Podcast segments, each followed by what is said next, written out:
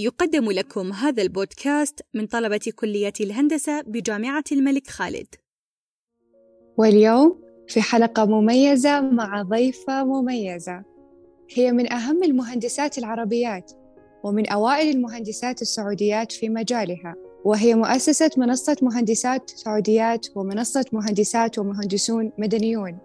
حاصلة على بكالوريوس وماجستير في الهندسة المدنية وأول مهندسة معتمدة لفحص المباني في منصة مستدام من وزارة الإسكان. عضو في أربع جمعيات هندسية دولية منظمة المرأة في الهندسة والجمعية الهندسية الأسترالية والهيئة السعودية للمهندسين وجمعية المهندسين في جامعة سيدني للتكنولوجيا. ضيفتنا أيضاً تعتبر أول سفيرة سعودية للسلام المهندسة الشيماء الشايب. يا أهلا وسهلا فيك المهندسة الشيماء. يا أهلا وسهلا فيكم. آه وشكرا لك على المقدمة الرائعة وأنا سعيدة كوني معاكم اليوم في بودكاست مهندس. معك لما القحطاني من بودكاست مهندس نرحب فيك وشرف كبير لنا استضافتك اليوم في البودكاست.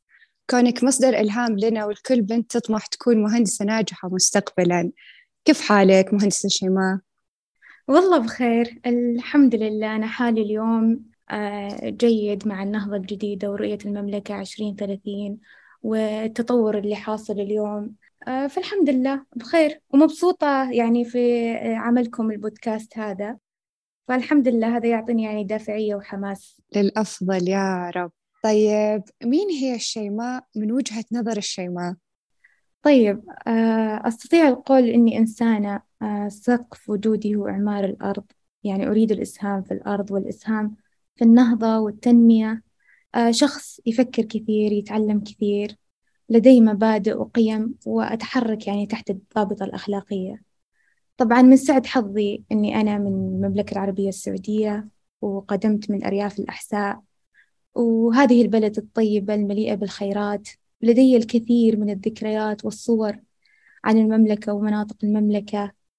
ومعروف أن المملكة تزخر بكنوز ثقافية وشواهد تحكي حضارتها وعمقها التاريخي. لذلك تجدني يعني كثيرة البحث عن الثقافة والفنون آه، بوصفها هذا الموروث الاجتماعي اللي يصلنا يعني من أجدادنا وأسلافنا عبر مئات السنين. فتلاقيني محملة كثير من هذه المعارف والمشارب ومتمسكة بأصالتنا وقيمنا. وكوني من الأحساء والأحسائيون يعني معروفون إنهم مبدعون وخلاقين كما سمتها يعني اليونسكو مشهد ثقافي متطور. فكونت مني شخص طموح جدا ومتفائل بالمستقبل إيجابي مقدام يعني أضع نفسي دائما في المقدمة ومبادر. فكانت لدي يعني كثير من المجالات والاهتمامات اللي فكرت فيها بوقت مبكر ووعيت عليها في سن مبكر. يعني قد تكون بعيدة عن الهندسة مثل مجال البيئة آه، خدمة الإنسان والمجتمع يعني مفهوم الجندر وتعزيز مكانة المرأة. حتى يعني إيماني بالتواصل الإنساني وقيمة جودة الحياة للإنسان وارتباطها بالفنون كأداة لتبادل الاحترام ونشر السلام. فهذا طبعا جعلني يعني محل تفكير كوني بنت هذا الوطن الرائع والعظيم. وهذه الأرض الطيبة. أني كيف من خلال مسيرتي أني أبقي وجه المملكة ساطع. طبعا دراسة المجال الهندسي أكيد له تأثير علي فهو أعطاني منظور مختلف في الحياة وساهم على منحي القدرة بالتفكير يعني بشكل منظومي. ما شاء الله جميل جدا. الشيماء من متى؟ يعني من متى بدأ اهتمامك بمجال الهندسة؟ وكيف قررتي تدرسين الهندسة في وقت خلينا نقول ما كان في أصلا وجود للمهندسات بالسعودية؟ آه صحيح يعني وأنا نشأت آه في زمن يعني لم يكن تخصص الهندسة متاح للفتيات آنذاك. يعني ونشأت حقيقة في منزل آه والدي ووالدي هو معماري. فمنزلنا يعني فريد من نوعه وتجدين يعني ملامح طراز العمارة الأحسائية الإسلامية حتى المواد المستخدمة فيه. يعني مثلا الأسقف تلاقيها مذهلة إمعان النظر فيها كيف استخدم هو يعني النخيل جذوع النخيل. رغم أحداث العيش اللي إحنا نعيشها يعني يعني وجود الإنترنت وغيرها لكن هو كيف استخدم يعني هذا الأسلوب في في البناء واستلهام التراث. فهنا عرفت إنه يوجد خلف ذلك تخصص ومن هنا جاء آه، عندي النظرة خلينا نقول المعمارية أو الفنية أو الجمالية. وجاء برضو وراها آه، معرفة آه، إيش المواد المستخدمة. طيب كيف هذه المنشآت؟ يعني مثلا مثل المنزل الجسور ناطحات السحاب على سبيل المثال. كان وقتها يعني عام 1900 2000 يعني مقارب لعام 2000 إنشاء برج الفيصلية والمملكة آنذاك. إنه إنه كيف يعني هذا المجسم كذا راح يكون متزن. آه، أمور السلامة فيه تفكير بالضوء والرياح والمقاومة المبنى وغيرها. فوجدت نفسي يعني محبة للتعمق آه، والتعرف أكثر عن هذا المجال. آه، يعني كان يستهويني كثير يعني معرفة العلم يعني وراء ذلك.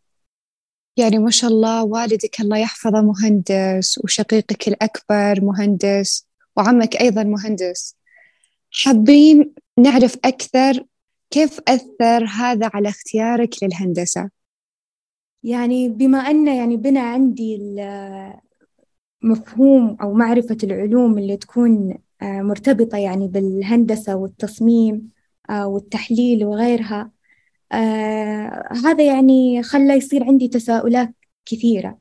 فهذه التساؤلات يعني لما أنا أسأل أخوي الكبير أو والدي آه يعني مثلا أراهم أرى الطاولة مثلا الهندسية كانت سابقا آه أرى البرامج الهندسية مثل اللي هم يشتغلون عليها مثلا أوتوكاد وزي كذا أريد معرفة قراءة الخرائط. فهذا يعني أكيد أعطاني بعد آه، مختلف في اختياري يعني للتخصص وللهندسة. فيعني امتلاك والدي آه، مكتب هندسي. أيضا يعني الإجابة على التساؤلات من أخي الكبير هو اللي يعني عرفني على تخصص الهندسة المدنية. آه، إحنا تقريبا بوجود والدي إحنا ستة مهندسين في البيت. ففي جزء منا متجه للتصميم في جزء منا متجه للعمارة آه، في جزء متجه يعني للإدارة. لكن أنا اتجهت يعني المجال الهندسة المدنية آه، وابتعدت عن العمارة آه، لأنه التمست الفرق آه، حقيقة بين الهندسة وبين التخصصات العمرانية اللي هي العمارة والديكور. يعني أنا أحترم تخصص طبعا العمارة والديكور والتصميم لكن كهندسة مدنية هي كلية مختلفة تماما عن ذلك. فوجود يعني هذه البيئة الحاضنة. وبين مهندسين آه، خلاني أحرص من البداية معرفة التقنيات الهندسية والبرامج الهندسية. يعني بعد ثالث ثانوي وخليني أقول لك يعني في ثالثة ثانوي كنت عارفة أنه تخصص الرياضيات والفيزياء هو اللي راح يمكنني آه، من دخول آه، أو فهم التخصص أكثر. يعني فكانت هي من المواد المحببة إلى قلبي كثيرا يعني. يعني أتذكر حتى في ثالث ثانوي كانت المدرسة تسألنا سؤال إيش المناظر اللي تبهركم؟ إحنا شغفنا إلى أين متجه؟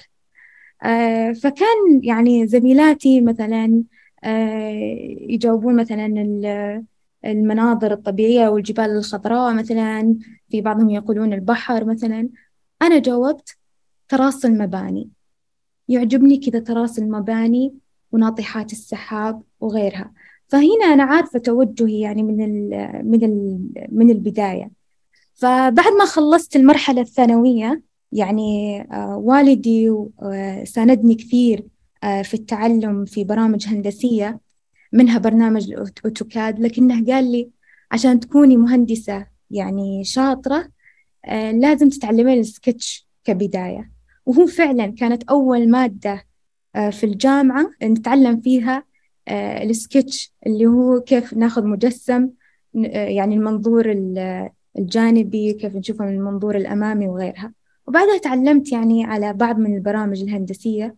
وحقيقة يعني المهارات آه، في برنامج الأوتوكاد ما زالت إلى الآن يعني ساندتني كثير. رغم أنه المهندس المدني لا يتطلب منه إلا معرفة بسيطة في في برنامج الأوتوكاد. عائلتك وأسرتك ما شاء الله متميزة في مختلف المجالات. ابتداء من والدك المهندس عبد الله الشايب الله يخليه لكم يا رب. أه حابين نعرف كيف ساهمت عائلتك والبيئة المحيطة فيك؟ بتكوين أحلامك وطموحاتك وشخصيتك اليوم. طبعا آه، والدي ووالدتي لهم تأثير كبير في الموضوع التربوي آه، والمساندة ولهم تأثير كبير من ناحية التعليم وأهميته. آه، بس أنا حابة يعني أنقل لكم شيء بسيط عن الماضي أو الأسرة. يعني إحنا أسرتنا من جدي الله يرحمه استوعب يعني منذ باكورته وحداثة سنه أهمية التعليم. آه يعني إحنا نتكلم عن قبل خمسين سنة. فوالدي وأخوته يعني درسوا الجامعة. يعني والدي هو خريج جامعة الملك فهد للبترول آه وهو أول سنة تخرج من كلية العمارة. ووالدتي تخرجت من جامعة الملك سعود بالرياض آه تخصص إدارة. فيعني يعني شيء طبيعي إنه والدي وشريكة حياته من يعني المتعلمين شكلت يعني بيئة حاضنة لي وإخواني. فكان في اهتمام في التعليم يعني طوال السنين. فهذا الشيء جزء من تكويننا يعني هذا الشيء كان هو جزء أساسي آه لا إرادي آه في الوجدان يعني اختيار التخصص أو التعلم أو حتى حرية الاختيار آه رفع سقف الطموح وغيره آه لأن هم مشجعين في هذا المجال. طبعا شيء آخر كانت لغة الحوار موجودة يعني في اختيار التخصص وغيرها. يعني حتى لما أنا ذكرت إنه أبغى أختار تخصص الهندسة المدنية.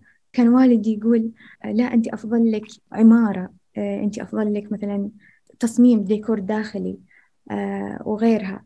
لكني أنا عرفت الفرق. قلت له لا أنا أبغى شيء يكون يعني في هيكلة المبنى وإنشاء المبنى وتركيب المبنى آه، لأني كنت أفهم كثير آه، آه، علم السكون اللي هي الستاتكس اللي هو علم الاتزان اللي جاءت من قوانين نيوتن. وهذا حرفيا يعني ملخص الهندسة المدنية اللي هو لكل فعل ردة فعل مساوية له في المقدار معاكسة له في الاتجاه. فإحنا لما نصمم المنشأة نشوف ردود فعل الرياح ردود التربة عليها وغيرها يعني. آه، فمنها نختار المواد منها نختار حجم قطاع الأساسات وغيرها. فكنت فاهمة كثير في المجال وقارئة كثير فيه. فهو يقول لي يعني أنت وش لك في الحديد وش لك في الخرسانة والبناء وغيرها. آه، والوالدة الله يحفظها كانت من المشجعين طبعا. آه، وكانت تقول لي أنا أبغى يجي اليوم اللي أنت تجين فيه وعندك الشهادة. آه، يعني كان عندها يقين مسبق آه، رغم أن التخصص غير متاح. يعني أنا اضطريت أني آه، أدرس خارج المملكة. يعني سنحت لي الفرصة أني أدرس خارج المملكة والحصول على بعثة من خادر الحرمين الشريفين الملك عبد الله بن عبد العزيز آل سعود رحمه الله. فهي كانت متيقنة أن بيجي اليوم وستمكن المرأة في الهندسة. يعني هذا شعور الأم. ف... والحمد لله. يعني أنا أتممت دراستي آه، في جامعة سيدني للتكنولوجيا. وأصبحت أول مهندسة متخصصة في الإنشاءات وتدرجت يعني في التعليم إلين حصلت يعني على ماجستير في الهندسة المدنية. فأصلا أنا غادرت المملكة وكنت محملة بالثقة والدعم إني لما أعود للمملكة بكون إن شاء الله محل فخر لوالدي وثقتهم يعني فيني ودعمهم يعني طوال المسيرة هم يعني وإخواني أكيد. فشخصيتي يعني انصقلت كثير أثناء غربتي ومتابعتي في المنزل لأنشطة والدي ووالدتي يعني الوالد كان كثير داخل في الجمعيات العلمية وفي تخصصه آه، ورئاسة مثلا جمعية علوم العمران ووالدتي يعني كانت معلمة في المدرسة وناشطة اجتماعية مربية. فأعطاني هذا شعور إنه أنا يمكن إني قادرة على التوفيق بين الدراسة وبين الأنشطة المختلفة. فصراحة يعني عملت على أنشطة مختلفة أثناء آه، الاغتراب وعززت كثير من جوانب من من شخصيتي يعني منها القيادية. فنعم يعني آه، وجعل مني يعني طموح آه، مستمر وما يعني ما يوقف العلم عندي أمام التحديات اللي إحنا نشهدها الحين في تطوير ونهضة المدن. وغيرها. جميل جميل جدا. لفتني التغرب لأجل الهندسة. احكي لنا عن هذه التجربة. طيب التغرب طبعا الدراسة والابتعاث في الخارج آه، حملني مسؤولية كبيرة جد جدا جدا. يعني كانت مسؤولية كبيرة. أولها أني آه، أكون آه، على ثقة في إكمال التخصص والحصول على الشهادة الشيء الثاني كوني من المملكة بتمثيل المملكة وإني أضعها في الصورة الصحيحة دائما كانت التجربة جميلة جدا. يعني أنا قضيت في أستراليا ما يقارب العقد.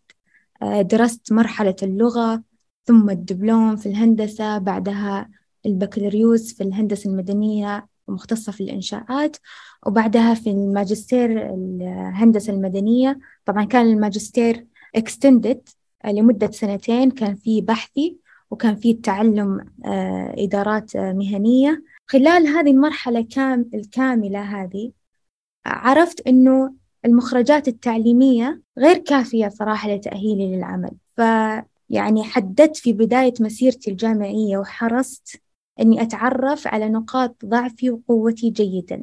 يعني حرصت آه، إني حتى لو أكتبها كتابة يعني أشوف نقاط قوتي وضعفي سواء كانت مثلا على سبيل المثال إجادة آه، مثلا برنامج معين آه، مثلا اللغة الإنجليزية مثلا أو غيرها. ومن هنا أنا رسمت يعني مسيرتي آه، وهنا قدرت إنه أنا أصقل شخصيتي. ووضعت لنفسي vision يعني رؤية خاصة فيني يعني رؤية الشيماء وين أنا أبغى أكون وأين ومتى وإيش المهارات اللي أنا أحتاجها. فوضعت برامج لي تخليني أنا أوصل لها. آه، وطبعا مع التحفيز الذاتي كان مهم جدا. والانضباط ال self discipline كانت هي من أهم العوامل.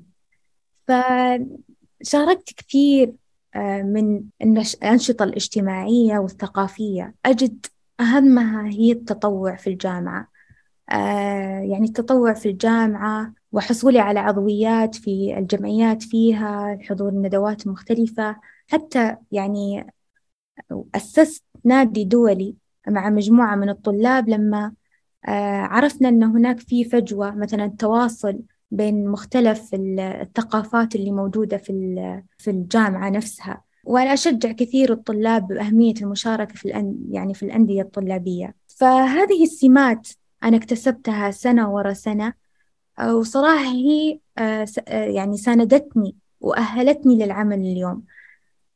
يعني بجانب المهارات اللي إحنا نحصل عليها في في الدراسة لكن المهارات الأخرى أو المهارات الناعمة آه، كانت مهمة جدا.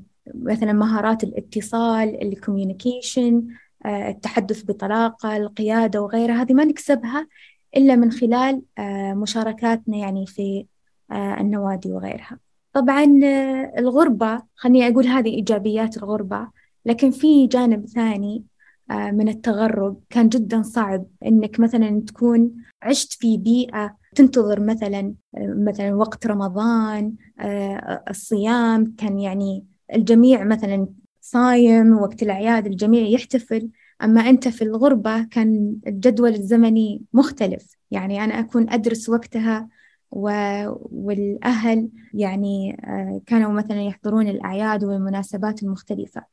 فكانت يعني هذه من الأوقات اللي آه، الصعبة اللي أنا أخلي نفسي مركزة بال بالعمل اللي أنا أعمله وفي الدراسة وما أخلي يعني الجزء العاطفي فيني يأثر أكثر. والحمد لله وانتهينا يعني من هذه المرحلة يعني بمخرجات آه، عالية. الحمد لله يعني. ما شاء الله تبارك الله شيماء أنت قدوة. لكل بنت تتمنى تكبر وتصير مهندسة ناجحة بإذن الله. طبعا أغلب المهندسات الخريجات حديثا مروا بنفس تجربتك وتغربوا عشان الدراسة ونوجه لهم اليوم صراحة تحية مليئة بالفخر والاعتزاز. لأنهم شاركوا في تمهيد الطريق للنساء السعوديات في المجال الهندسي. كمان على الرغم أن في جامعات سعودية افتتحت كليات هندسة للبنات حاليا إلا أنها لا زالت تعتبر قليلة يعني مع الأسف. وتخصصاتها الهندسية كمان محدودة. عشان كذا في كثير من الطالبات المغتربات سواء كانوا في جامعات محلية أو خارجية يعني زي مثلا عندنا بكليتنا في طالبات كثير مغتربات من مناطق أخرى. فإيش إيش هي الرسالة اللي حابة توصلينها لهم اليوم؟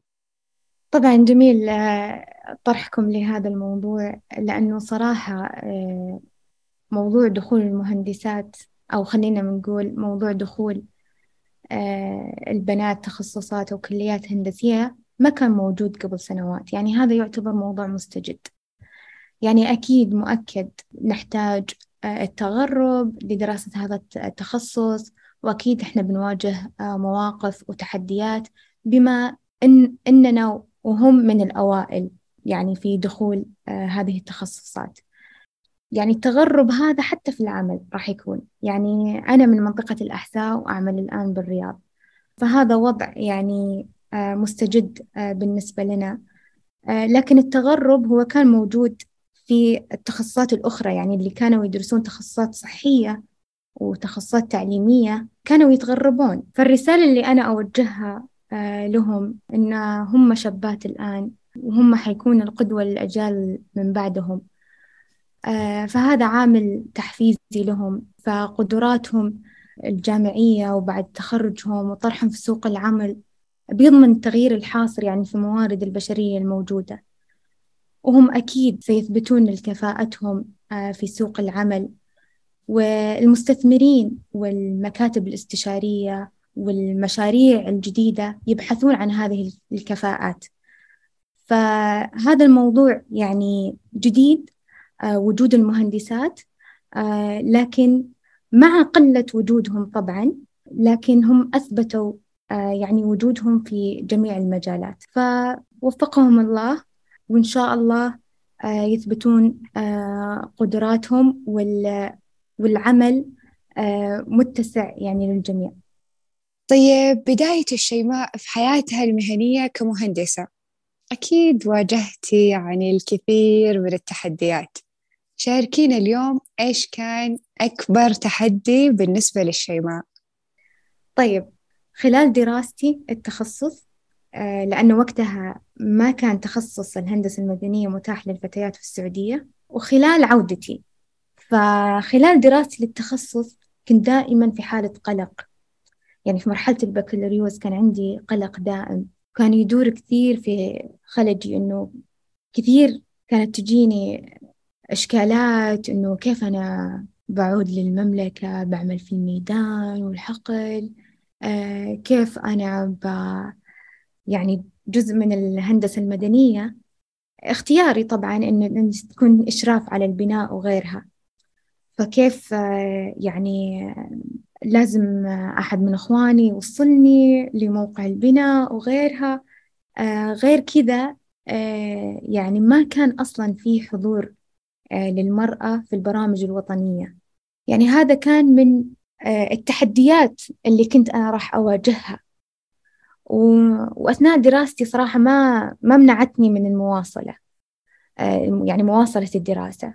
وكنت عارفة إنه سيدني اللي هي مدينة سيدني وجامعة سيدني للتكنولوجيا في أستراليا هي بتكون محطة إني أحصل على شهادة البكالوريوس فيها. وبرضو آه، رأيت إنه سيدني تشجع المرأة في الهندسة للعمل بجانب الرجل في مختلف التخصصات يتقبلها المجتمع للعمل في الميدان. وكان هذا الشيء اللي إحنا نفتقده. يعني أنا أتكلم لك من عام 2010 2010 2011 ففي السنة الثانية من التخصص أخذنا مادة مادة كونستراكشن آه، اللي هي البناء وعلم المواد. ف كانت هذه المادة فيها جانب نظري اللي هي آه، فهم المواد خصائص المواد آه، الفيزيائية والكيميائية وغيرها. وكان الشق الثاني منها إنه كل طالب آه، يذهب إلى موقع بناء ويكتب تقرير عن مراحل البناء. يعني نروح لمكان البناء اللي إحنا نختاره. في الشهر الأول نأتي بتقرير الشهر الثاني نأتي بتقرير الشهر الثالث نأتي بتقرير. كنت لما أدور على موقع بناء أشوف الكرين ولا أشوف الأسوار اللي مقفلة وأطلع من الصباح آه، يعني من السادسة السابعة صباحا. آه، أتكلم مع المسؤولين أشرح لهم المادة وكذا آه، يعني حتى أتذكر كانوا يقولون لي ممنوع تدخلين الموقع. أنا قلت طيب هذه متطلبات الجامعة. وكثير تخرجوا من الجامعة يعني في كثير أكيد نجحوا في الجامعة هذه. ف... فكان يتطلب مننا إنه نلبس آه الهلمت السيفتي شوز وغيرها قبل ما ندخل الموقع. فهذه كانت من أولى الملاحظات اللي أنا أخذتها وكتبتها في التقرير. فكنت دائما يعني سنة ثانية وأنا أبني إن شاء الله لما أتخرج كذا بروح المواقع بناء في المملكة وبشرف عليها وبشوفها وغيرها. آه، لما جت آه، في مادة من المواد عندنا آه، يعني تدمج بين تطبيق يعني المناهج الأكاديمية وتعطينا خبرة عملية. كانت هذه المادة تتطلب أنك أنت تاخذ انترنشيب لمدة ثلاث شهور تدريب وأيضا لك حرية الاختيار في اختيار المكتب الهندسي أو اختيار شركة كبيرة أو اختيار موقع بناء أو غيرها. آه، إنك تكون تحت تدريب وتكتب يوميا يعني يومياتك بالتاريخ. أنت إيش سويت اليوم؟ يعني زي الجورنال وتوثقها بصور. إيش تعلمت؟ إيش شاهدت؟ آه، إيش البرامج اللي تعلمتها وغيرها؟ يعني كانت هذه المادة يعني جدا جميلة لأنها تحضرك يعني لسوق العمل بوقت مبكر. فأخذت هذه المادة وقلت خلاص أنا التدريب آه راح أخذه في المملكة.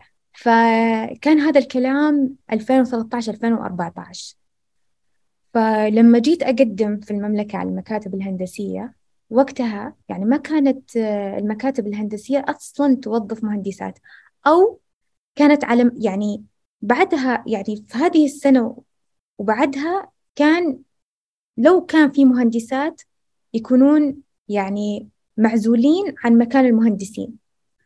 وأنا أشوف يعني من خلال دراستي وتطبيقاتي السابقة في المواد الأخرى إنه لا إحنا المفروض إحنا نشتغل كفريق. فعملت انترنشيب في مكتب هندسي في المملكة وكان مختلف تماما لأنه أنا المكتب اللي كنت أجلس فيه كان مسكر. ما كان فيه تواصل بين المهندسين يعني إلا بالإيميل. كنت لما أنا بروح موقع بناء صعب جدا يعني ما كان منظر آه، يستحسن. آه، وقوف مثلا آه، مهندسة في موقع بناء وغيرها. فكان في كثير من التحفظات. فلما كتبت اليومياتي وكتبت اللي أنا تعلمته وغيره وكان في الحقيقة يعني حتى طريقة يعني التقييم كانت تعتمد على إنه نكتب تجربتنا مثلا في التواصل بشكل فعال بين فريق العمل بين العملاء وغيرها. مثلا الإدارة كيف تعلمت الإدارة كيف العمل الجماعي مثلا أذكر صراعات الفريق وغيرها. مثلا أكتب عن الإثكس الأخلاقيات السلامة في مكان العمل. فكانت كثير عندي من البنود اللي أنا مو كاتبة فيها الشيء الكثير يعني. فلما جاء وقت التقييم آه طبعا كانت في لجنة آه وكانت هذه اللجنة آه بما أني أنا راح آه، جزء من التقييم أقدم الجورنال اللي هي يومياتي وجزء منها أقدم سيرتي الذاتية. كأني أنا أقدم على وظيفة جديدة. فكانوا يسألوني يعني عن مهامي والمشاكل اللي أنا واجهتها وغيرها. طبعا هذه المادة ما كان عليها درجات. فكان التقييم يا إما pass أو fail يا إما نجاح أو رسوب. فأعطتني المشرفة المادة ملاحظة. يا الشيماء إحنا ما نعتبرك آه نجحتي. لكن بنفس الوقت لأنك أنت قدمتي حاجة ما نعتبرك أنك فشلتي لكن أبغاك تكتبين لنا تقرير منفصل عن الاختلافات اللي أنت وجدتيها لو أنك أخذتي التدريب في أستراليا عن اللي موجود في المملكة وفعلا آه كتبت الرفليكشن عن هذا الموضوع. وفهمت التحديات والمصاعب اللي ممكن أنا بواجهها لما أتخرج بشكل رسمي. فكان يعني هذا تحدي وضعني يعني تحت قلق آه، بشكل كبير. آه، يعني كيف آه، راح أعمل في ظل عدم توظيف المهندسات في المكاتب الاستشارية؟ يعني حتى لما كنت أعود في في وقت الصيف مثلا أبغى أخذ تدريب وغيرها ما كان يعني يسمح بدخول الفتيات أو حتى تقديم دورات معينة أو غيرها. لكن يعني الحمد لله وقت أنا ما تخرجت واستلمت الوثيقة وجاء قرار تمكين المرأة أعطاني عزيمة وحماسية إني أعود وإني أساهم تحت ظل رؤية عشرين ثلاثين. ولأن أنا تم إعدادي بالجامعة بكفاءة عالية فتوقعت إني ما راح ألقى صعوبة في التقديم على الشركات العالمية لأنه كنت عارفة أن الفرصة يعني آه، كبيرة وكنت حابة أني أشارك في هذا التطور الحضاري والعمراني للمملكة. طبعا هذا آه، شيء واحد. الشيء الثاني انسجام يعني مع الرؤية ورفع سقف طموحي حاولت أني أو أصريت أو حرصت أني آخذ الرخص المهنية كبداية. فالحمد لله يعني حصلت على عضوية مثلا هيئة المهندسين آه، وحرصت إني أدخل الميدان إنه كيف أنا يمديني أدخل آه، الميدان اللي هي مواقع البناء. فأتذكر وقتها إني أنا راسلت كان في برنامج آه، التدريب لدورة فحص جودة البناء. مقدم من المعهد العقاري السعودي وتحت إشراف وزارة الإسكان. وأرسلت لهم إيميل آه، لأن كانت المتطلبات أنا محققتها. آه، مثلا أنه نرفق سيرة ذاتية أنا عندي سيرة ذاتية وجاهزة. نرفق عضوية المهندسين أني أنك تكون آه، تحت تخصص هندسي ميكانيكا أو كهرباء أو مدني وغيرها قدمت على هذا البرنامج وكتبت لهم خطاب. لأنه أنا وقت دراستي كنت أقدم وما كان يطلع لي قبول. قدمت ورفقت معاها خطاب آه إنه أنا أود يعني مفاد هذا الخطاب إنه أنا أود الاستفادة آه وإنكم تتيحوا هذه الفرصة لي لأنه أنا آه مهندسة مدنية وأرغب برفع جودة المباني واستكشاف الأخطاء. في المنشآت الهندسية وإنه هذا يعتبر واجب لكل مهندس مدني يرغب في الإشراف. أنا كانت عندي رخصة آه، مزاولة العمل في في المواقع من استراليا اسمها white cards يعني حبيت إني يكون عندي نفس الرخصة هذه في المملكة. فبادرت إني أرسل هذا الخطاب آه، خصوصا إني كنت من أوائل المسجلين لهذه الدورة. يعني أول ما طرحت هذه الدورة كنت أنا من الأوائل لكن بسبب الدراسة في الخارج يعني ما تمكنت يعني مثلا من الحضور وغيرها. فكنت أعي يعني أهميتها آه، ودورها في إعداد المهندس كفاحص ولكن أيضا وجود المهندسات في هذا الحقل. فجاني اتصال من مشرف البرنامج كان آه، منهج ألماني. فالمشرف الألماني اتصل بي. آه، وقال لي كلميني عن نفسك أكثر. لأنه ما تقدمت سابقا ولا امرأة لهذه الدورة. والحمد لله آه، يعني قبلت في هذا البرنامج. طبعا هو كان برنامج تحفيز التدريب للدورة. يعني حتى لما تجتاز آه، هذه الدورة فهي يعني برنامج وطني. فحتى يعني ترجع لك التكاليف. فهم دعموني يعني من هذا الجانب. آه، فمن هنا يعني حصلت على رخصة البناء المستدام وحتى يعني يكون تشجيع للمهندسات من بعدي. كلمة أخيرة خلني أقولها وأختتم هذا السؤال إنه كانت عندي ثقة بنفسي ومهاراتي وقدراتي. يعني هذه الثقة هي اللي يعني منحتني القدرة إني آخذ قرارات حازمة ولا أتردد. ويعني وكنت واثقة إني بوصل اليوم لما أنا عليه. يعني ما شاء الله تبارك الله صبرتي ونلتي والصراحة يعني إحنا جدا فخورين فيك وتستاهلين كل خير وللأفضل يا رب. طيب الحين نجي لموضوع المرأة والرجل في الهندسة. في صورة نمطية عند كثير من الأشخاص أن المجال الهندسي غير مناسب للنساء وإنه مجال يغلب عليه وجود الرجال ومو بس عندنا يعني حتى عالميا.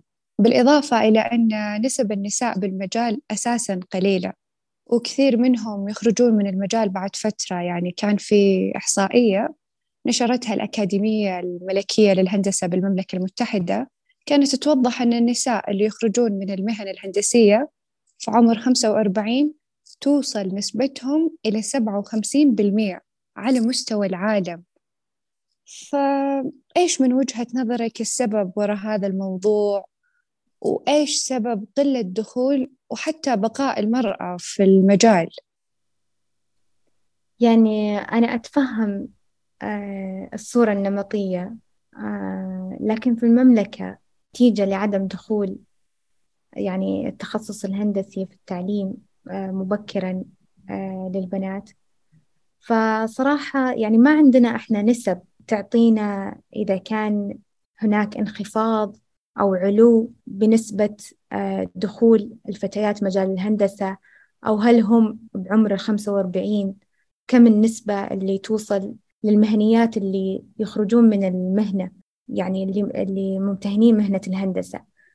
يعني نحتاج سنة سنتين ثلاث وعشرات السنين عشان ممكن آه، نعرف أو نضع معيار إذا كان يعني يوجد قلة في التواجد.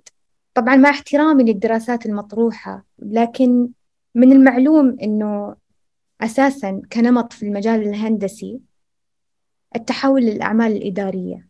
يعني هذا نمط عام ومعروف آه، يعني حتى عند الذكور. من بعد سن الخمسة وأربعين آه، يتحول إلى الإدارة. أو يتحول إلى ما يعرف بالاستشارات. طبعا آه، هذه الحالات يعني في المستقبل يجب أن ندرسها عشان نرفع أي سلبية كانت موجودة أو تحصل بالنسبة لوجود المرأة في الهندسة. تصوري الآن المسجلين مثلا آه، في هيئة المهندسين بالنسبة للمرأة واللي عندهم مكاتب هندسية لا يتعدون ثلاثة بالمية. لكن الحمد لله آه، مع وجود التخصصات الحين. نتمنى أنه يتضاعف آه، دخول الفتيات للتخصص ويستمر ويكون هناك تخصصات أخرى. ويوجد إقبال جيد يعني صراحة على هذه التخصصات.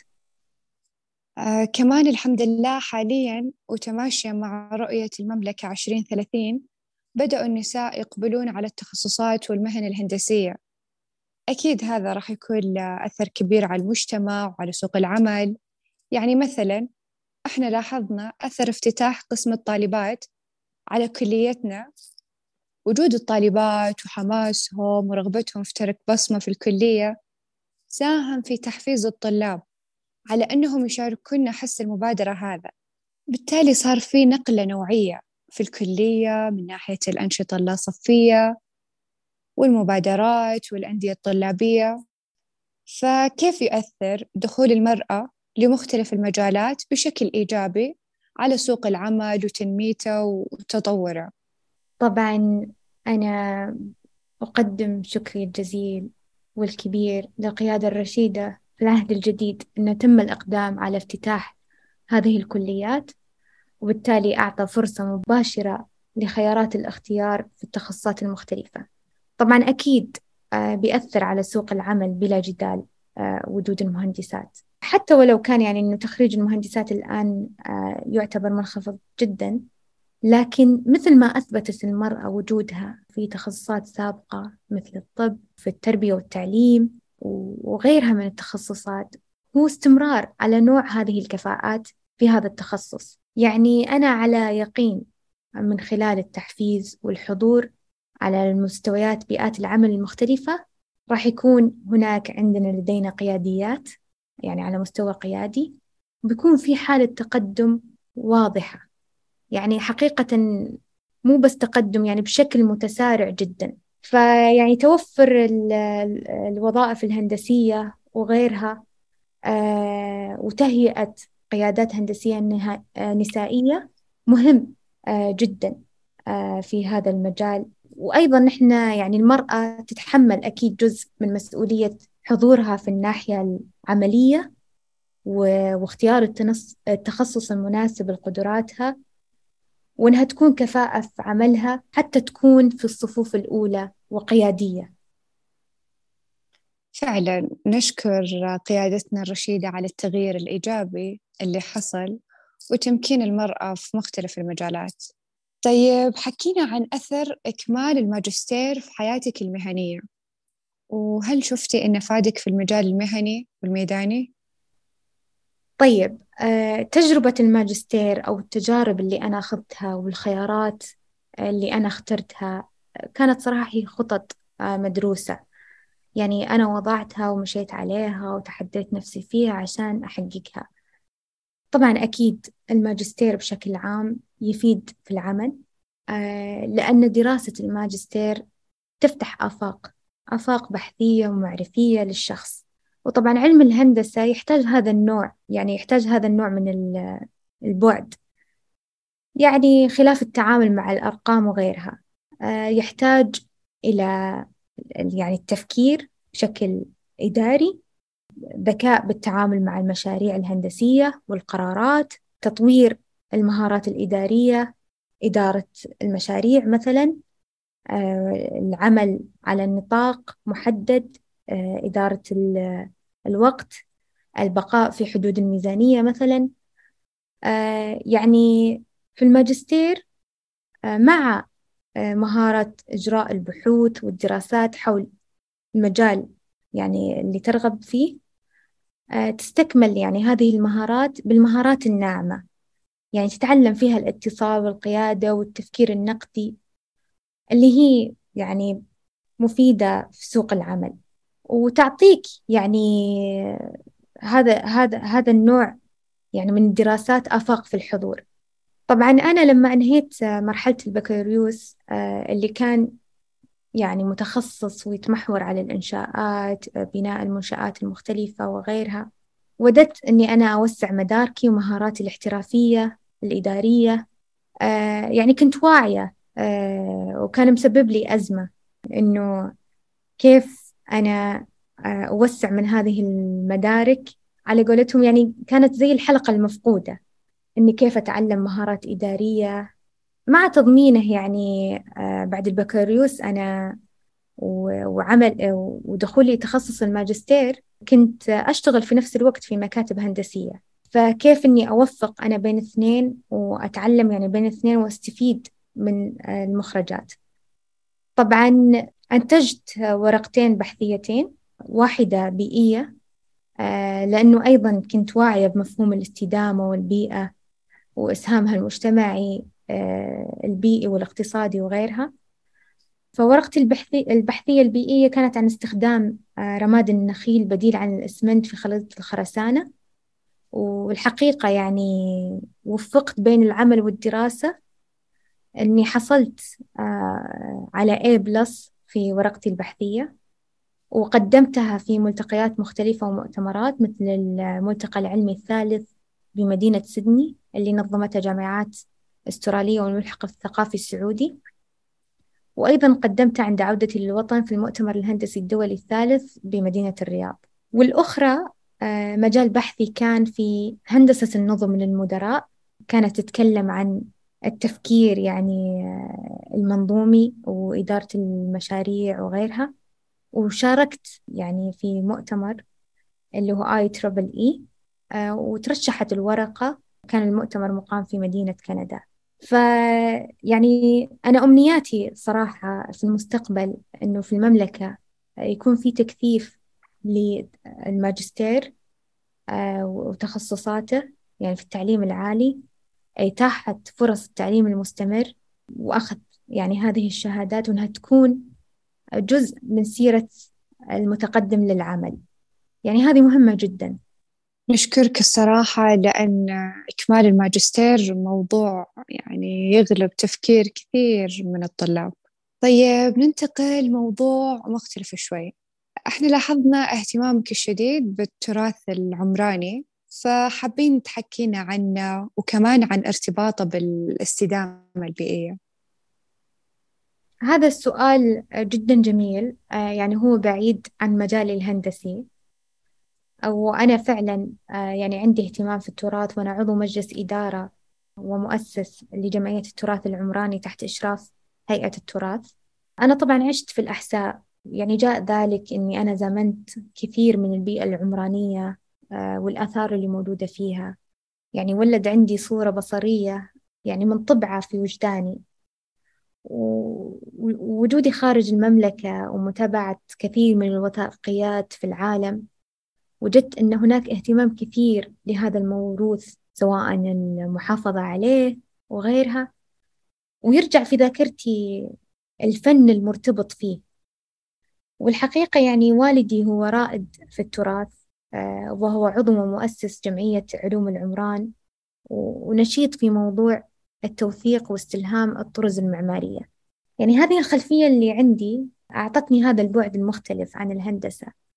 وأيضا عزز عندي الانتماء الوطني والانتماء للأرض اللي أنا فيها. يعني هذا الاهتمام بالفنون والتقنيات المستخدمة في البناء آه، التراثية كانت عندي يعني محل اهتمام. فوجدت صراحة أنه بالنسبة لي شيء لازم وضروري مني أني أساهم في هذا الموضوع وأغذي الحالة الفكرية والثقافية عندي. يعني فضلا عن أنه جزء من الفنون اللي أعشقها يعني وأعشق أني أتابعها. نتيجة للحس الفني الموجود في هذا التراث العمراني المختلف والمتعدد. تجدين أنماط العمارة مختلفة في في مناطق المملكة.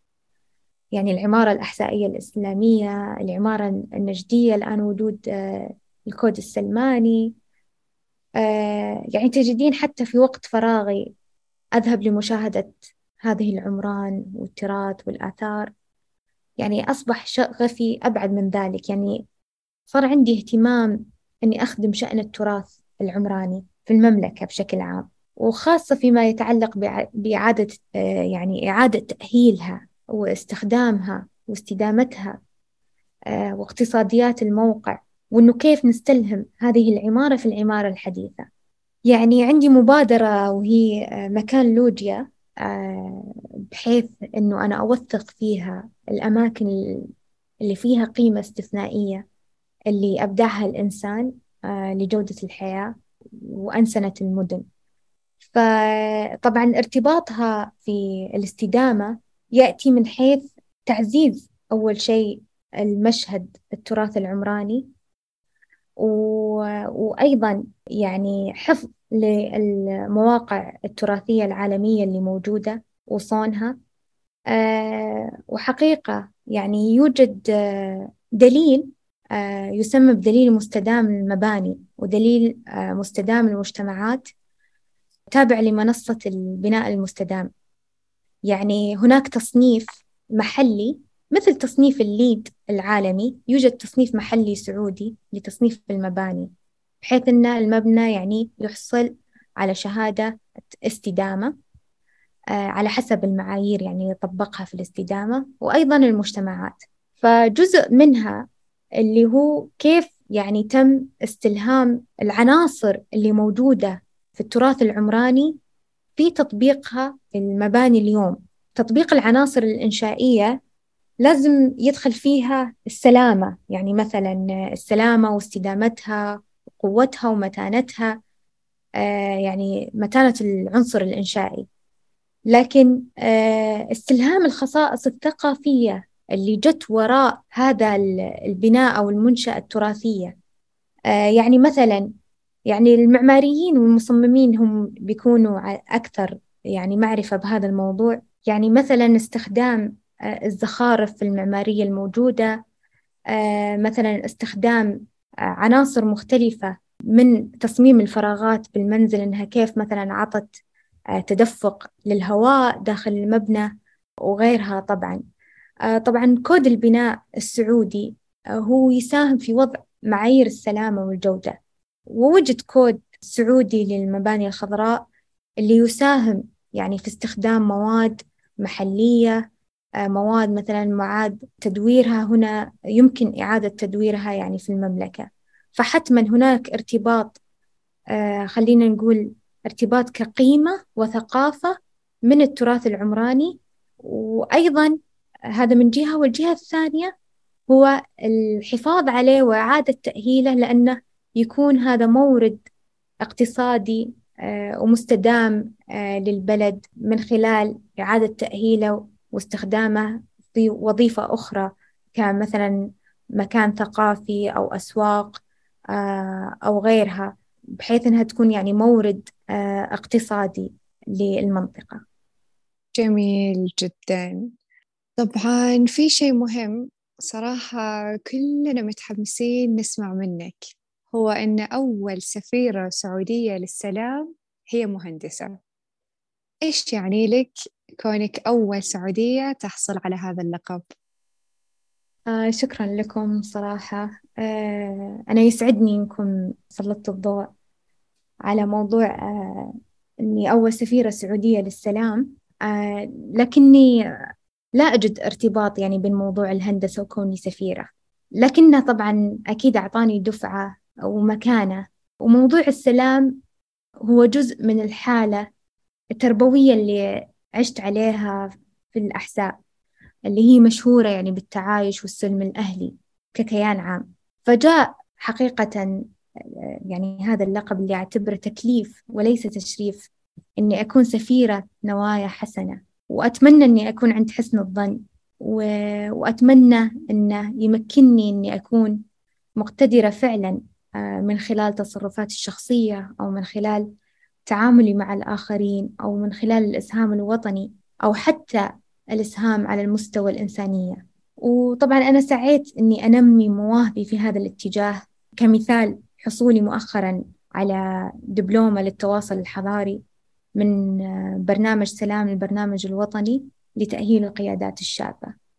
طبعا بحمد من الله يعني هذا التكريم تشريف آه، لي آه، والمملكة العربية السعودية بلد الإنسانية وتدعم التعايش والسلم الأهلي كلنا والله يعني سعيدين لك وتستاهلين والله كل خير آه طيب إيش أفضل إنجاز حققتيه وكيف كان شعورك وقتها؟ منصة مهندسات سعوديات. يعني لما أنشأت منصة مهندسات سعوديات عام 2014 كانت آه، خلال دراستي مرحلة البكالوريوس كنت آه، يعني أرى أن وجود منصة تضم مهندسات المملكة العربية السعودية من جميع تخصصاتهم تحت مظلة واحدة أتعرف عليهم نتبادل خبراتنا ونكون كلنا تحت سقف واحد. يعني بيكون إنجاز أكبر عندما يتحقق اعتمادها كجمعية وأنا أترقب آه، إعلانها قريبا بحيث أنها تساهم يعني الحركة المرتبطة بالتعليم والتوظيف الهندسي للإناث. وراح تكون يعني هي المنصة الآن هي الأولى والوحيدة في نوعها في المملكة. صراحة يعني يعطيك ألف عافية وبإذن الله إنها تعتمد. طبعا في إنجاز ثاني عاطفي وأنا لا يمكن أنساه. هو في الحقيقة تم تكريمي من لجنة المهندسين بالأحساء آه، عام 2019 آه، بعد تخرجي من الماجستير وعودتي للوطن.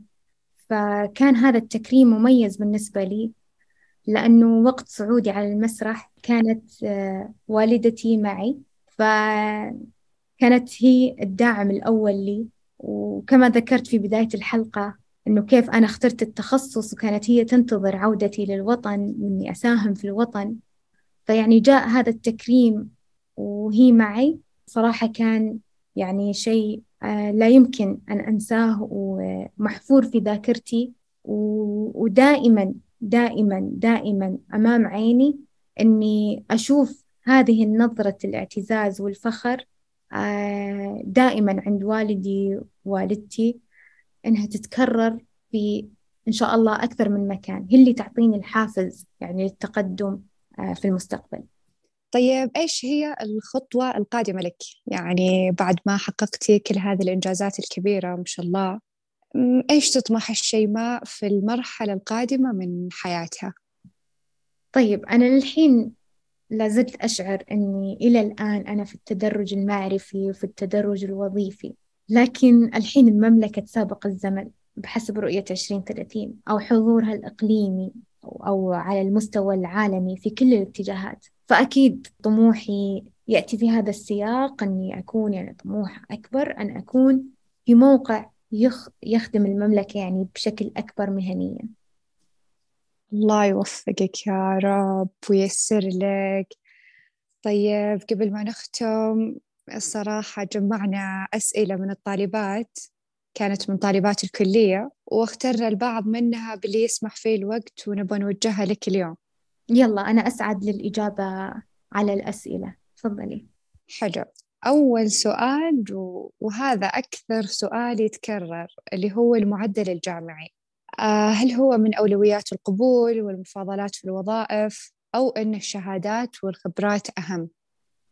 يعني خليني أقول لك المعدل الجامعي الشهادات والخبرات مجموع كل هذه الأشياء مع بعض لها أثر في المقابلات. يعني تعطي انطباع في جهة العمل عند المتلقي يعني وجود المعدل الجامعي أنه في جدية الشخص. وتراكم الخبرات بعد سنوات يكون للخبرة هو مقام الصدارة يعني ينظر للخبرات بعد عدة سنوات هنا ينظر للخبرات. ولا ينظر للمعدل الجامعي. حلو. آه طب ننتقل للسؤال الثاني.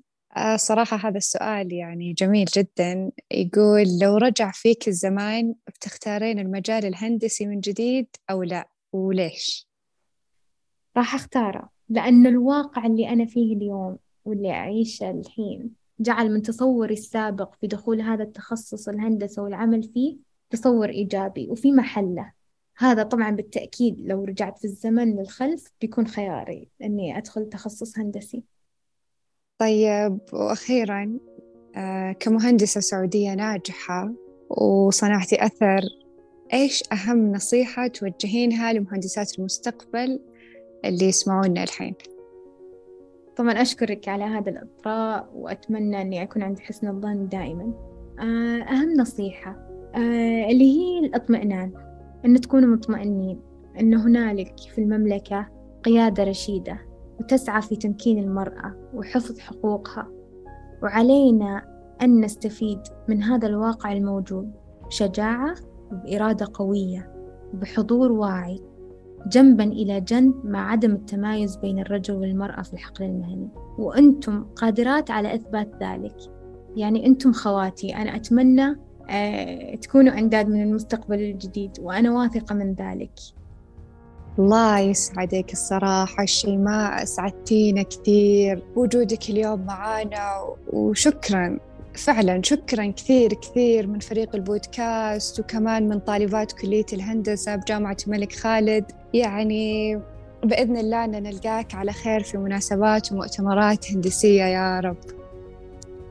طبعا أنا أشكر لكم الاستضافة وصراحة قد يكون هو حلم لي أثناء الدراسة أني أجد قدوة وحملت على عاتقي أني أنا أكون في المقدمة وأنا أدعي جميع المهندسات والطالبات وأنتم أنكم تكونوا بالمقدمة لأن إحنا نحتاج كثير لتسليط الضوء على المهندسات وإحنا قادرين. وصراحة يعني تبقى فقط العمل العمل العمل. وهنالك مستقبل مشرق أمامنا وأمامكم. شكرا لكم.